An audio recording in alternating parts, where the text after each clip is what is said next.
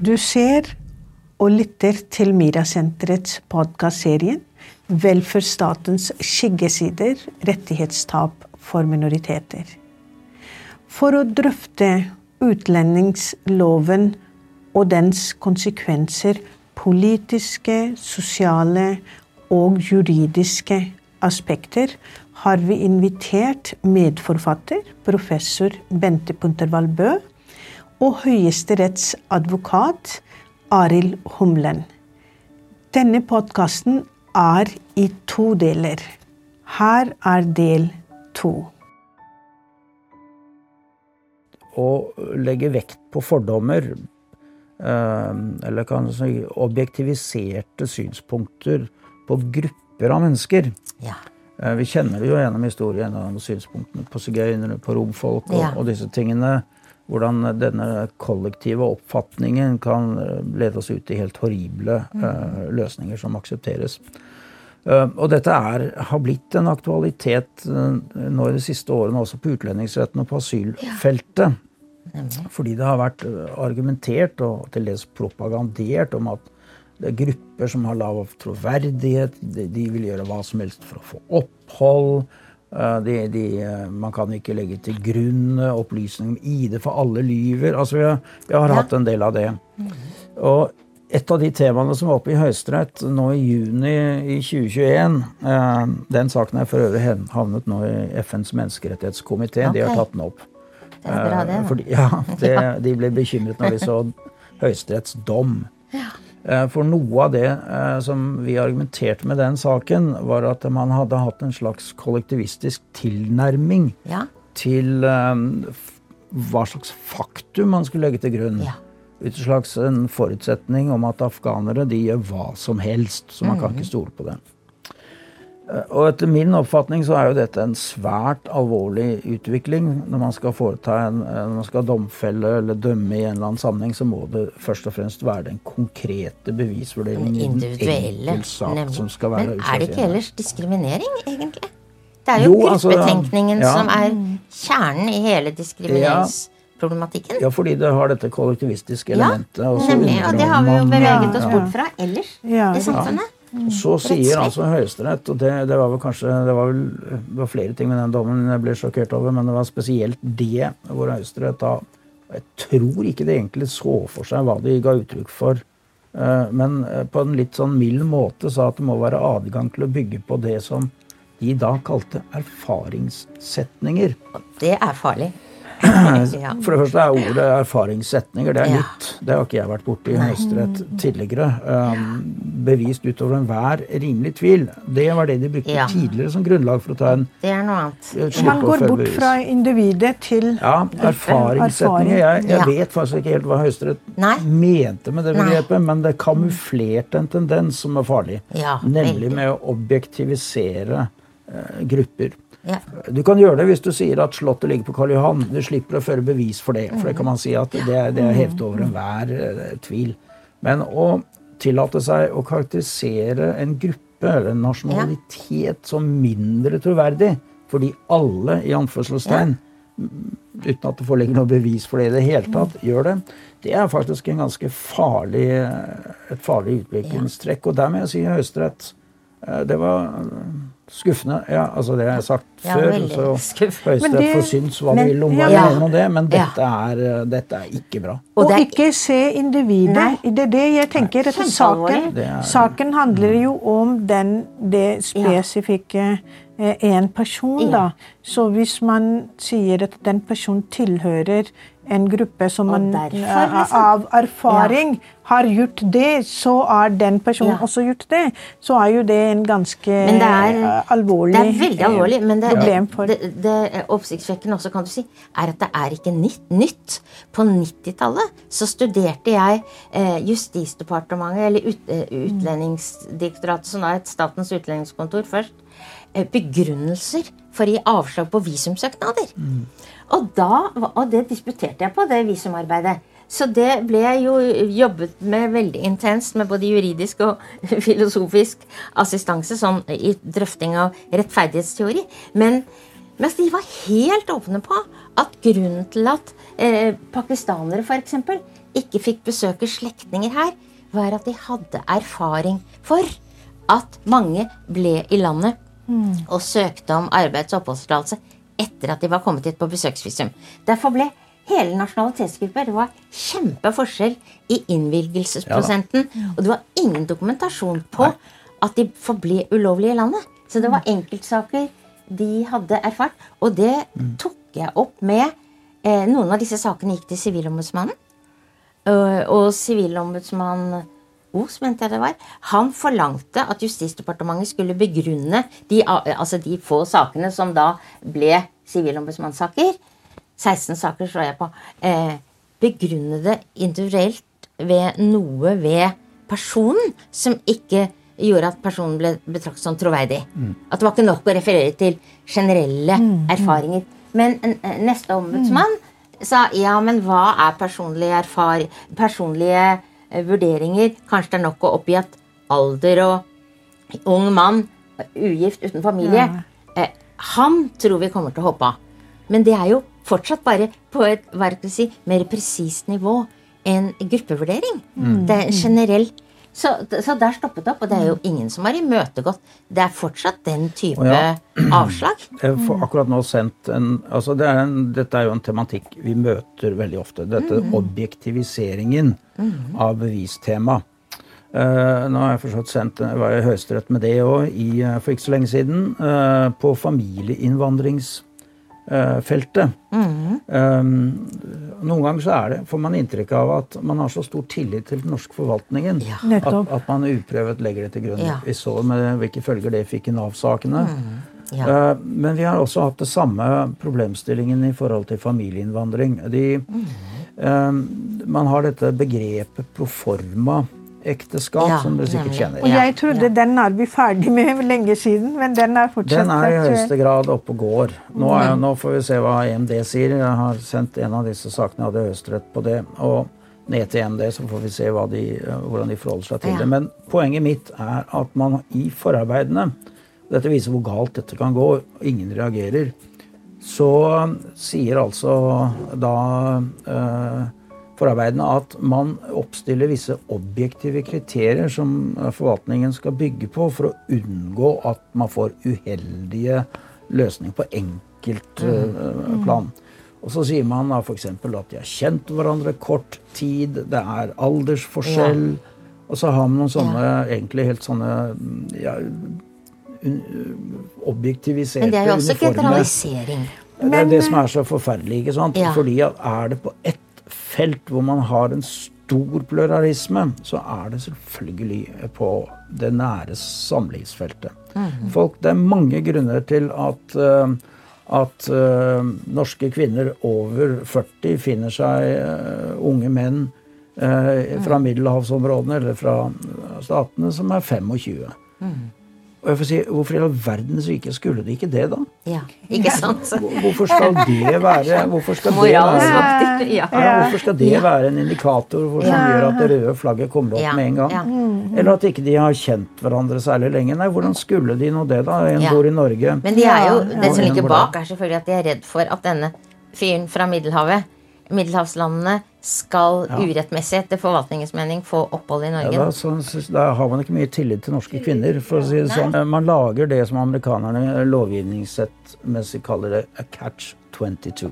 Ja, nettopp. Og det, det, som er, det man gjør, det man sier at for at du skal kunne få familiegjenforening, så må du være gift. Hvis ikke så må man ha vært samboer i to år. Uh, og så har man da en, en norsk kvinne. I dette tilfellet den som nå ligger igjen det, eh, var en norsk kvinne som traff en nigeriansk asylsøker. Han de giftet seg. Han ble sendt ut, selvfølgelig, fordi at de giftet seg for fort. For fort, ja. Ja, og så, og så, og så reiste kvinnen etter til Nigeria, så giftet de seg på nytt. Og så søkte de da om familieinnvandring da, og da fant UDI ut at jo, men, men, eh, men det er bra. Og så fikk han fornyet og bodde her da i 17 år. Og så fant man ut at nei, søren, dette skulle man ikke gjort. Og så tar man fra han alle oppholdstillatelsene Etter 17 år? etter 17 år og skal sende han tilbake. Fordi man mente Kjære at han egentlig, uten at man har noe bevis for det, hadde jukset. Men så var, var spørsmålet da Eh, De sier altså at når du giftet deg, både i Norge og Nigeria, så hadde du en opphold, oppholdshensikt. Ja. Eh, ved siden av at de innrømmer at, at det også har vært en realitet. Og så sa jeg, har jeg sagt til Høyesterett det at uh, kvinnen hadde hus i Norge, hun hadde barn i Norge, og hun hadde jobb i Norge. Så selvsagt skulle de bo i Norge. I Norge, ja. Det er jo opplagt, for hun hadde jo hele sin forankring i Norge. Så det er klart at de giftet seg jo selvfølgelig fordi at han skulle kunne få oppholdstillatelse i Norge, sånn at de kunne utøve samlivet i Norge. Ja, så selvsagt hadde han en oppholdshensikt. Ja. Men, og hva det har man jo når man Hvis, hvis han flytter sammen. Ja, hvis, ikke sant? Hvis man da ikke, eh, hvis man da Ja. ikke giftet seg, eh, Ja. så ville de jo aldri kunne bo sammen. Ja. Så norske stat sier at skal du bo sammen, Ja. så må dere gifte dere, Ja. og så Ja. kan du komme. Men hvis du hadde oppholdshensikt når du giftet deg, Ja. Da- da, ja. kan du ikke komme. Nei. ja, men, det, det jo er et- jo stor motsetning. Ja. Det er, motsetning. det er det Ja, amerikanerne kaller catch. Det er en, skaper en umulig situasjon. Det er Ja. Men det er jo en mistenksomhetskultur da, Ja da. Ja. som har fått utviklet seg i forvaltningen og blant politikere, som disse Ja. regjeringserklæringene altså synliggjør ord for ord. Det er jo skriftlig. Det er i hvert fall dokumentert. Ja. Om ikke avhoppet er dokumentert, så er mistenksomheten dokumentert i den ene Dere, vi kan jo fortsette den eh, den diskusjonen. Dette er så spennende, men samtidig trist og alvorlig, Ja. fordi den, det handler om mennesker. Ja. Eh, men vi har i Norge akkurat nå en veldig interessant situasjon i forhold til eh, nye flyktninggrupper, eh, Ja. flyktninggrupper, f.eks. flyktninger fra Ukraina. Ja. Eh, hva syns dere? Er, ligger det noen paralleller, eller er det noe helt annet? Eh, Jeg har lyst til å si der at allerede i 2008, altså før den store flyktninginnvandringen, så eh, i en av de regjeringserklæringene da, så ble det fremmet eh, dette med velferdsstatens bæreevne er truet hvis det kommer for mange innvandrere. Så da begynte den legitimeringen av stadig strengere. Og da var det altså økonomiske begrunnelser som lå bak. Og den gang var det snakk om 4 5 6 7 8000. Ikke sant? Og da var det hindringen. Vi kunne ikke være for liberale. Og så nå så sier Støre uten et eneste argument om eh, de økonomiske konsekvensene av, som han først sa, motta 60 000 ukrainske. Nå er det tonet ned til kanskje 40 000. men ikke fordi Norge har sagt det blir for dyrt, men fordi ikke så mange er interessert i å komme til. Norge. Men, men altså, det viser jo eh, Argumentasjonen viser at noen ganger brukes disse argumentene for å utestenge folk fra andre kontinenter, egentlig. Og her var det det som Man burde ha oppført seg sånn som man nå gjør i forhold til ukrainske flyktninger. I forhold til alle andre nasjonaliteter også, som er i en desperat krigs- og, og, og fluktsituasjon. Eh, men slik har det altså ikke Ja, og, mange, og jeg tenker at mange, det har jo ikke kommet noen sak hvor eh, flyktninger har vært truet og blitt nektet opphold eller nektet ja, Og klart det koster eh, masse å motta alle disse ukrainske flyktningene, men det, da sier man de trenger det. Og det er jo så trist, for det er jo beskyttelsesbehovet som skal avgjøre hvor mange, i hvert fall innenfor rimelighetens grenser, flyktninger eller asylsøkere et land mottar. Men det er de økonomiske betraktningene og de mer fordomsfulle holdningene sniker seg inn som en begrunnelse for å være restriktiv i de sakene vi har sett tidligere. Men det, det, når jeg hører på dette her med rettssikkerhet og tolkninger av eh, to, eh, lover og regler, så er jeg, blir jeg litt bekymret, fordi jeg mm, føler at eh, tolkninger til enhver tid kan endres. Og hvis politisk eh, eh, maktforholdene endrer til det mm, negative til asylsøkere og minoriteter, så kan tolkning legitimere, og til og med domstolene kan eh, mm, fungere nesten som eh, eh, medskyldige i det. Det blir litt skremmende situasjon. eh, mm, Så Ja. hvordan Er det noen lysepunkter i det? Jeg mener, hvor skal vi se for støtte og styrke rettssikkerhet? Fordi jeg er enig at eh, menneskerettighetskonvensjon, kvinnekonvensjon og alle de forpliktelsene som ligger der, det er grunnpilar for demokrati. Og vi kan ikke påberope oss å være et demokratisk eh, samfunn hvis de grunnpilarene svekkes av politiske eh, interesser. Og så, så er det noen lysepunkter der. Hvilke institusjoner som styrker disse demokratiske rettighetene for alle? Ja, um, jeg kan jo bare da for så vidt svare ut fra et rent juridisk ståsted. Um, tradisjonelt sett så er jo domstolene uh, korrektivene. Øhm, vi uh, i Advokatforeningen i, i sin tid så etablerte vi noe Eller ledet jeg en gruppe som het Aksjons- og Ja, prosedyregruppen det husker jeg. i, eh, i syv år. Vi oppdaget nemlig ved en gjennomgang av tingrettens avgjørelser at uh, det var vel jeg tror det var borti 3% av sakene hvor individene fikk gjennomslag i asyl, utlending og utvisning. Um, det syns vi var veldig lavt. Og vi leste en del av dommene og var også av den oppfatning at nettopp fordi det ikke var noen rettshjelpsordninger her, sånn, så var det litt tilfeldig hvilke saker som kom. Uh, bare de som da hadde penger å betale for. Slektninger her eller andre. Og det var ikke nødvendigvis heller de riktige sakene som burde vært prøvd av domstolen. Så vi etablerte en sånn eh, pro bono-prosjekt. Og vi eh, tok inn saker eh, som ble sendt til Advokatforeningen, vurderte de. Og eh, over syvårsperioden fra 2007 til 2014 så prosederte vi eh, eh, 72 saker. Eh, og Advokatforeningen satte inn ganske store ressurser for å sørge for at det ble en god eh, prosess ut av de enkelte. Og når vi var ferdig med dette og evaluerte dette i 2015, så var altså gjennomslagsprosenten gått da fra 2,8% til 63,5% Det sier veldig mye. ja, og det, det, det, det sier at for det første side så skal jo ikke en, en statlig institusjon som UNE tape så mange saker. Det, det sier noe om eh, rettssikkerhetssituasjonen i UNE. Og for det andre så sier det hvor viktig det er at man igangsett, har iverksatt ressurser som gjør at når sakene kommer for domstolen, så, så er det nok ressurser til at man kan få en fair trial, som det heter i Ja. menneskerettighetskonvensjonen. Uh, I dag har vi ikke noe rettshjelp. Nei. Det er helt umulig for flyktninger å bringe sakene til Og det er jo en veldig fundamental Det er, rettssikkerhets... det er et element som Garanti. svekker selvfølgelig veldig, Veldig. rettssikkerheten. Det har du ikke råd til. Å få prøvd saken din? Nei, nå er det støttegrupper som uh, Ja. man er avhengig av, og det er jo ikke gitt enhver å kunne skaffe 150 000-200 Ja. 000 på, på bordet i en støttegruppe. Så det er klart at hele eh, rettssikkerhetsfundamentet er jo borte Ja. når man ikke har rettshjelpsordninger som kan eh, bidra. Eh, Så det, det, det er da blitt vanskeligere Mm. å bruke domstolene i en korrigerende posisjon Ja. overfor forvaltningen. Men man har jo heller ikke en forvaltningsdomstol i Norge. Nei, slik at Høyesterett er jo ikke spesialisert på utlendingssaker.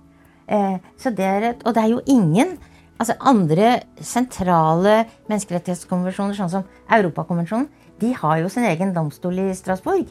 Men på flyktningrettens område så er det jo ikke en flyktningedomstol.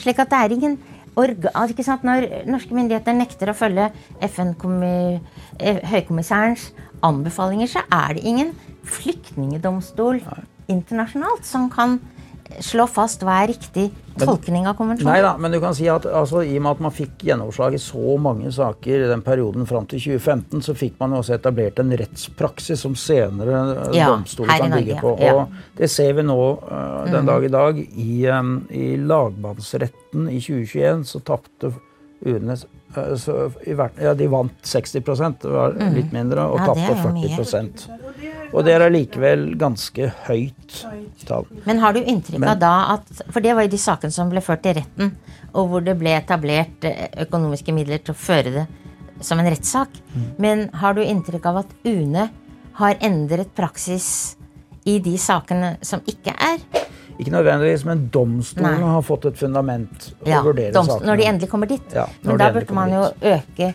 rettshjelpordningene, Ja slik at mange saker, flere kunne blitt prøvd. Eller etablert eh, forvaltningsdomstoler, som man Ja. har gjort i de fleste andre land. som. Norge ikke Det har. er jo- det er jo anbefalt i de fleste eh, rapporter som har foretatt undersøkelser i UNE, har jo anbefalt at man endrer eh, behandlingsstrukturen og gjør som f.eks. Sverige og Danmark, at de har da en, en forvaltningsdomstol.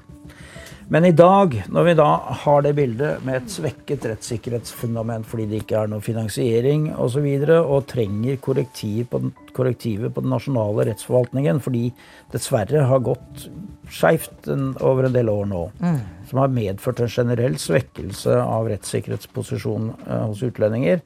Og det er mange grunner til det, men, men eh, det er nå det som er utfallet. Så, så er det de internasjonale institusjonene man kan forholde seg til, altså EMD. Um, nå venter jeg dom uh, 23.6, en prinsippsak som vi var ferdig med i EMD i februar i fjor. Det er noen tidsforløp som er voldsomme. men den dreier seg om barnekonvensjonens posisjon og i hvilken utstrekning man i Ja. utvisningssaker er tvunget til å forholde seg til bl.a. barnekonvensjonen, men også Ja. forbudet mot uh, inhuman behandling. Eh, nå er jo ikke dommen kommet, den kommer Nei. 23.6. Uh, jeg vil jo tro, ettersom det er jeg som førte den, at vi har gode sjanser til å vinne den. I så fall så kommer det et kraftig korrektiv på norsk rettsforvaltning i EMD. Men det gjenstår jo for så vidt å se. Men EMD gjør en ganske fantastisk jobb uh, overfor en del europeiske land og har gitt gjennomslag på utlendingsretten i ganske mange saker, særlig mot Danmark, men også mot, Ja. mot England. Så, um, og, og, Sverige, ikke minst. Det har vært flere Grand Chamber-saker mot Sverige. Og EMD har tatt et oppgjør med Norge når det gjelder barnevern. Ja. 42 har, saker har de sluppet inn, og nå har det kommet dom i 15. Og Ja. det er 16, og Norge har vunnet i, tapt i 15 av disse 16 Ja. sakene. Så ja. det er klart at, at domstolen i Strasbourg fungerer jo uh, faktisk som et eh, helt nødvendig og, og, og viktig korrektiv på for nasjonal forvaltning. Så det er jo en domstol som ikke lar seg påvirke Nei. av politiserte eh, da Nettopp. forenklede behandlingsmåter og nedsnakking av personers Ja. verdier ut fra en kollektiv tankegang osv. Så, videre. så foreløpig så har vi nå i hvert fall EMD Ja. uh, som et, eh, et ja. Nei, det er jo Internasjonal menneskerettighetsdomstol. Men det er en veldig lang vei dit, da. Det er Ja, langt, og det er komplisert. Komplisert. Ja, det er komplisert. Og så, så jeg tenker at vi skal nå runde av litt. Mm. Eh, og eh, tenker at eh, hvis dere skal eh, påpeke eh, mm, eh, noen, en eller to, eh, viktige ting som vi kan mm, jobbe videre med, eh, og skape på en måte eh, press nedenifra for eventuelt i håp om at det skal skje noen endringer, hva ville det være? Ja, jeg er jo opptatt av at det er blitt mer og mer For å ta én ting, da. I tillegg til det vi allerede har nevnt. Forskjellsbehandling mellom ulike grupper av utlendinger. Og i forhold til nordmenn og innvandrere som bor her fast. Altså, vi er jo Altså, EØS-borgere har veldig gunstige regler. Tre år for permanent oppholdstillatelse. Veldig få restriksjoner på familieinnvandring, for å nevne, nevne det. Det er jo ingen rettslige Mens flyktninger eller innvandrere har fem år, ikke sant? Må ha språkkunnskaper for å få, få varig oppholdstillatelse. Det må ikke en rumener, men det må en afghaner. Uten at det er noe logisk. Men jeg skjønner jo at man er bundet av det hva skal vi si, gunstige regelverket for EØS-borgere. Men så vidt jeg har oppfattet, så er det ingen rettslige hindringer for at man kunne ha like liberale familieinnvandringsregler, f.eks. For, eksempel, for flyktninger som har fått opphold i Norge, eller innvandrere som bor her fast. Men det er uttalt. Og det, etter de 15 årenes politikkutvikling eh, utvikling som vi har sett på, så virker det som det altså, eh, øker og øker. Og aksepteres at det er mer forskjellsbehandling enn tidligere. Og da, det er der jeg tror er det veldig viktig at vi må kjempe mot å synliggjøre mer og mer. fordi det er, jeg er ikke sikker på at vanlige mennesker, vanlige nordmenn, kjenner hva som egentlig skjer. Og de rettssikkerhetstapene vi snakket om, alt fra taushetsplikt til fengslingsregler på generelt vilkår, generelle erfaringer. Det er jo helt utenkelig, uhørt, som vi sa i sted, at det kan, det samme kan overføres til den norske befolkning. Og nesten ingen vet jo, utenom vi som jobber på feltet, vet jo at dette eksisterer. At det er slik i Norge. Så det er jo en veldig svekkelse av rettsstaten. Ja. Har, det er tre ting som jeg uh, ser som, altså, som dere uh, er veldig viktig å gjøre. Det ene er uh, selvfølgelig arbeidet for bedre da, rettssikkerhet gjennom rettshjelpsordninger som gjør at man faktisk kan prøve en del av disse, flere av disse sakene for domstolen. For det er faktisk nødvendig. For det er dessverre veldig mange uriktige, konkrete vedtak som trenger rettslige korrektiver gjennom domstolsbehandlingen. Det andre er at dere må uh, forsøke å, å, synliggjøre for politikere at misbruk av ordninger er noe som skal straffes i etterkant når det er påvist misbruk. Det er ikke noe man skal ta som en premiss når man skal vurdere om man skal innvilge at det er en risiko for misbruk. Mm all form for reaksjonslære ellers innenfor jussen går jo på at reaksjoner skal bli utmålt etter at overtredelsen er konstatert. Ikke sant? Da tar du reaksjonene. Mm. Og da er det, er det, helt håpløst når man på utlendingsfeltet skal ta reaksjonene i forkant. Før man har konstatert noe misbruk.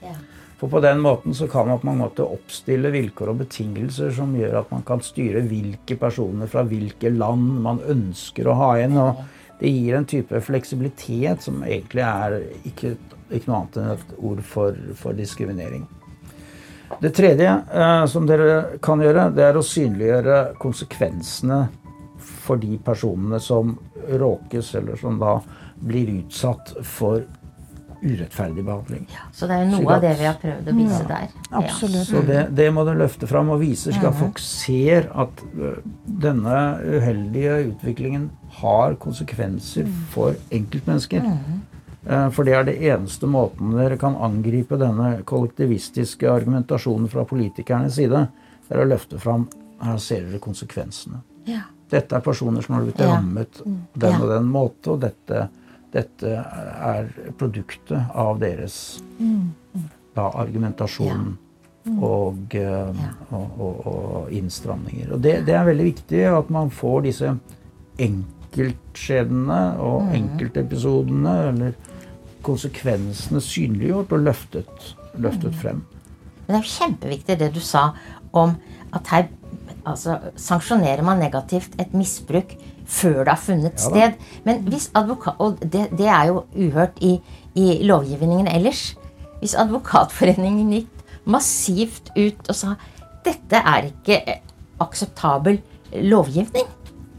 Kan man med, i anstendighetens navn altså ved, eh, både fremme og vedta den type lover hvis det ble ropt høyt nok om at det bryter alle rettsstats... Prinsipper? Ja, nei, altså jeg har jo jobbet som leder i Advokatforeningen Oslo krets selv, og har jo for så vidt um, forsøkt å, å, å, arbeide for en mer Eh, hva si, aksjonistisk ja. forening. ja. um, og foreløpig så er det vel nokså langt igjen før ja, de er men, kommet dit. Og det er jo litt synd. Det kan jeg jo si til mine kollegaer og, og, andre at kanskje så burde dere et mer aksjonistisk perspektiv forsøke å arbeide mer for det vi nå ser er en forvitret rule of law, som man kaller det i Europa. Altså at rettssikkerheten er ikke noe noe du kan ta for gitt. Det er noe du må slåss for hele tiden. Og så må man huske det. Rettssikkerheten, altså kvaliteten på samfunnets rettssikkerhet, viser seg først i ytterkantene. Det er de menneskene ja. man egentlig ikke liker, ja. som eh, Det er der rettssikkerhetsgarantiene først og fremst har sin verdi. Overfor oss alle andre som, som, lever godt og har det godt og mm. har ressurser selv til å kunne fungere. For oss er på mange måter ikke rettssikkerheten eh, det som ligger nærmest hjertet, men Nei. for de som virkelig trenger det, Det er de som er i Ja. ytterkant. Og de den er jo ivaretatt gruppene. for folk flest. Ja, det er det. Så det er jo nettopp i forhold til de gruppene hvor den nå svekkes uten at det blir Ja. noe verken rettslig eller politisk opprør av den grunn. Ja, hvor og det, det, man, det, det er der man må sette der må man sette inn støtet. Menneskerettigheter er jo grunnpilar for enhver demokrati. Og det er veldig viktig at vi som borgere i demokratiet vi må sørge for at ikke de som er makthaverne, til enhver tid tolker disse lovene til sin fordel og svekker demokrati og rettighetene til alle borgere i samfunnet, og særlig de som trenger mest.